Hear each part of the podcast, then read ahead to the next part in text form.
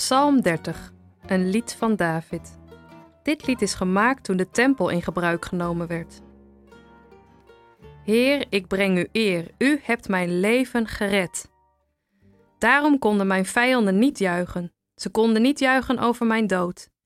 Heer, mijn God, ik riep u om hulp en u hebt mij genezen. Ik was al bijna dood, het land van de dood zag ik al, maar u gaf mij het leven terug. Als je trouw bent aan de Heer, moet je voor hem zingen en hem prijzen, want hij is heilig. De woede van de Heer duurt kort, maar zijn liefde duurt een leven lang. Ook al val je s'avonds huilend in slaap, ochtends sta je juichend weer op. Ik voelde me sterk en ik dacht: mij kan niets gebeuren. U was goed voor mij, Heer, daarom overkwam mij geen kwaad. Maar toen u zich voor mij verborgen hield, ging ik bijna dood van angst. Ik roep u, Heer, ik smeek u, wees goed voor mij. U hebt niets aan mij als ik dood ben, als ik in mijn graf lig. Dan kan ik u niet meer prijzen, niet meer zingen over uw trouw. Heer, luister naar mij, wees goed voor mij en help mij. U hebt mijn verdriet veranderd in vreugde. Ik huil niet meer, maar ik ben weer vrolijk. Heer, ik zal voor u zingen met heel mijn hart. God, ik zal niet zwijgen. Ik zal u altijd prijzen.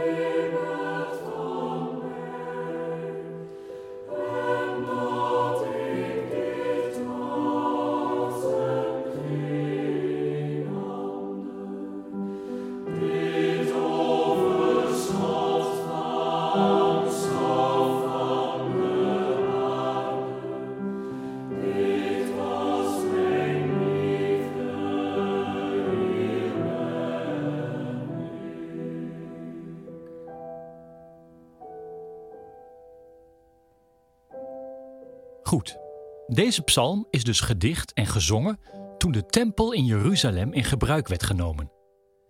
Dat is gek, want het gaat helemaal niet over een tempel of over een heiligdom. Het is veel zwaarder dan dat. Het gaat over dood en duisternis en te nauwe nood overleven. Niet bepaald een feestnummer dus. Dit staat er.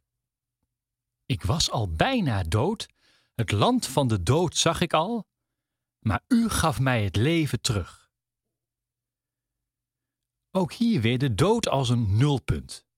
Geen hemel met harpjes en feestmaaltijden, maar een plek waar je niets meer bent of voelt. Je bent er letterlijk met stomheid geslagen. Tegen dat zwijgen van de dood komt deze psalm in het verweer. Zingen moet je, dichten, bidden, jubelen, juichen, het uitschreeuwen. Daarom eindigt het ook als volgt: Heer, ik zal voor u zingen met heel mijn hart. Ik zal u altijd prijzen. Als dominee kom ik nogal eens op begrafenissen en dan zie je het verdriet van wat ongezegd bleef, wat niet werd uitgesproken. En nu kan het niet meer, hoor je dan. Je kunt niet meer vertellen dat je van iemand houdt je kunt iemand niet meer aanspreken op wat je is aangedaan en zo blijven de wonden open. Wat wil jij nog vertellen? Waar zit jij mee?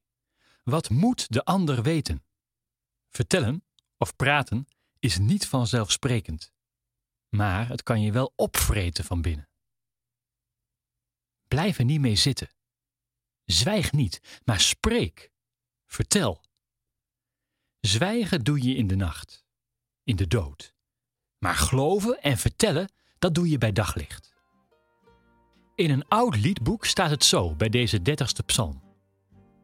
De nacht is vol gevaren, De morgen vol gezang.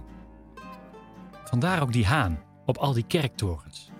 Wij zijn mensen van de morgen.